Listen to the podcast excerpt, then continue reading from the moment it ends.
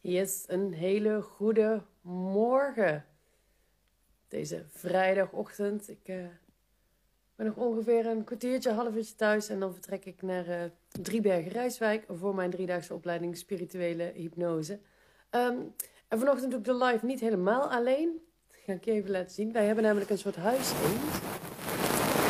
Even kijken. Oh, wacht. Dat doe ik even anders. Ik draai de camera even. Dus voor de mensen van de podcast is het niet heel spannend. Kijk. Dit is Jut, onze manke huiseend. En die uh, komt uh, nou ja, iedere ochtend, maar eigenlijk meerdere keren per dag, zodra hij hier in huis iets hoort, komt hij uh, om eten schooien. En hij gaat dus ook gewoon op de tafel zitten, zodat hij ons beter kan zien. Ja, we hebben het over jou. Ik zal daar ook nog wel een filmpje van, van vanochtend posten op mijn stories. Ja, nou, terug naar mij. Of jullie moeten liever naar de huiseend blijven kijken, dan laat ik Jut gewoon het verhaal doen vandaag. Maar waar ik het vanochtend over wil hebben. Goedemorgen Carolien, ik zie dat je meekijkt. Um, waar ik het vanmorgen over wil hebben is iets wat ik gisteren, um, waar ik over in gesprek raakte met een andere onderneemster. Hey Marijse, goedemorgen. Um, met een andere onderneemster in de Facebookgroep van mijn eigen coach. Ik had haar een vraag gesteld. Ik weet zo even niet eens meer wat het was. Doet er ook niet toe. En we kwamen erover in gesprek dat we, uh, we ontdekten eigenlijk dat wij allebei in de start van onze ondernemerschap de angst hebben gehad dat we niet goed genoeg zouden zijn voor een coach. En um, dat triggerde weer iets bij mij dat ik dacht, dat is interessant om even een live over te doen. Het is namelijk zo dat um, toen ik begon met ondernemen, nou ja, toen ik begon met ondernemen 6,5 jaar geleden, toen ik begon met mijn huidige bedrijf of bedrijven, dus nou ja, toen, toen was het eigenlijk alleen het coachingstuk wat ik wilde gaan starten. Hypnotherapie was nog helemaal geen sprake van. Um, maar ik wilde gaan starten met mijn coachpraktijk. En ik had enerzijds heel naïef zoiets van, joh, ik onderneem al 6,5 jaar. Of ja, toen was het vijf jaar of zo. Denken, dit kan ik wel, hoe moeilijk kan het zijn? Ik weet nu toch ook hoe ik het moet doen. Ik was heel iets anders aan het doen, ik bleek helemaal niks te weten. Maar ik heb wel gekeken voor business coaches en ik hoorde ook wel mensen erover. Maar ik merkte bij mezelf dat ik bang was dat zo'n business coach mij te dom zou vinden. Of dat zo'n business coach zou zeggen: uh, van ja, meisje, maar wat jij wil gaan doen, daar gaat echt nergens over. Dat wordt, dat wordt echt nooit een succes, dat kun je beter gewoon niet gaan doen.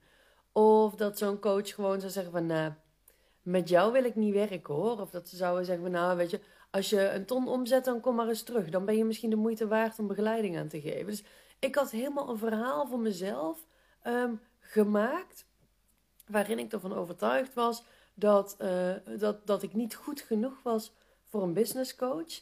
En dat ik eigenlijk dus een bepaalde vorm van succes alvast bereikt zou moeten hebben. Dat ik al succesvol zou moeten zijn.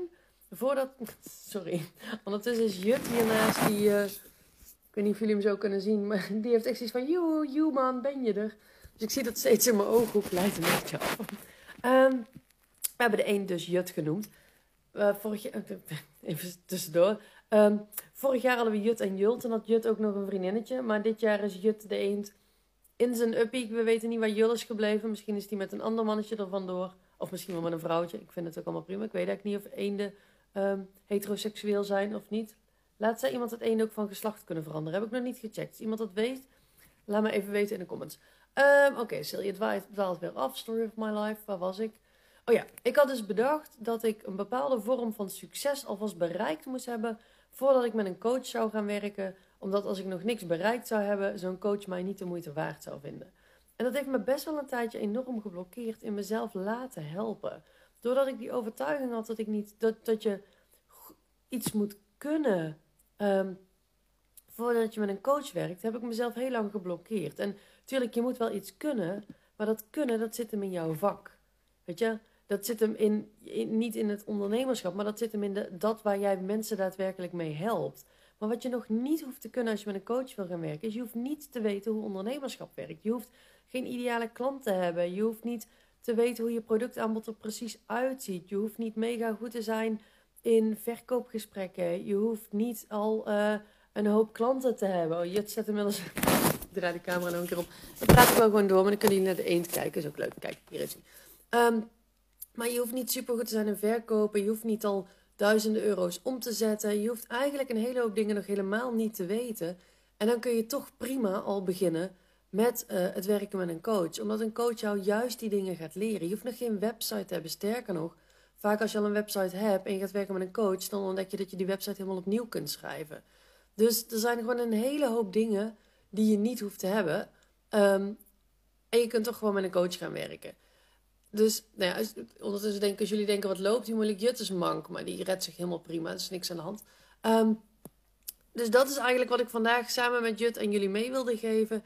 Je hoeft niks te kunnen en je hoeft niks te hebben om met een coach te gaan werken. En je hoeft absoluut niet bang te zijn, wat ik zelf wel was, dat zo'n coach jou te dom vindt of niet de moeite waard. Sterker nog, als ik ook naar mezelf kijk, ik vind het juist mega tof om met ondernemers te werken die helemaal aan het begin staan. Die, die wel een, een, een passie hebben, een supergoed idee hebben, die heel erg vanuit hun tenen mensen willen helpen, maar die gewoon geen idee hebben hoe, die niet weten hoe ze aan klanten komen, die niet weten hoe ze social media posts moeten schrijven of hoe je überhaupt aan volgers komt op social media, die nog geen website hebben, al dat soort dingen. Dat, um, dat, dat is iets wat je niet hoeft te hebben. Kijk, ondertussen zie ik mijn reizen zeggen oudere vrouwtjes eenden kunnen een mannetjes verenkleed ontwikkelen. Waarschijnlijk om aan te geven dat ze niet meer geslachtsrijp is. Hoeveel mannen die de moeite te doen voor haar. Vet interessant, Marijse. Thanks voor het delen. Ik zie Bonita ondertussen goedemorgen zeggen.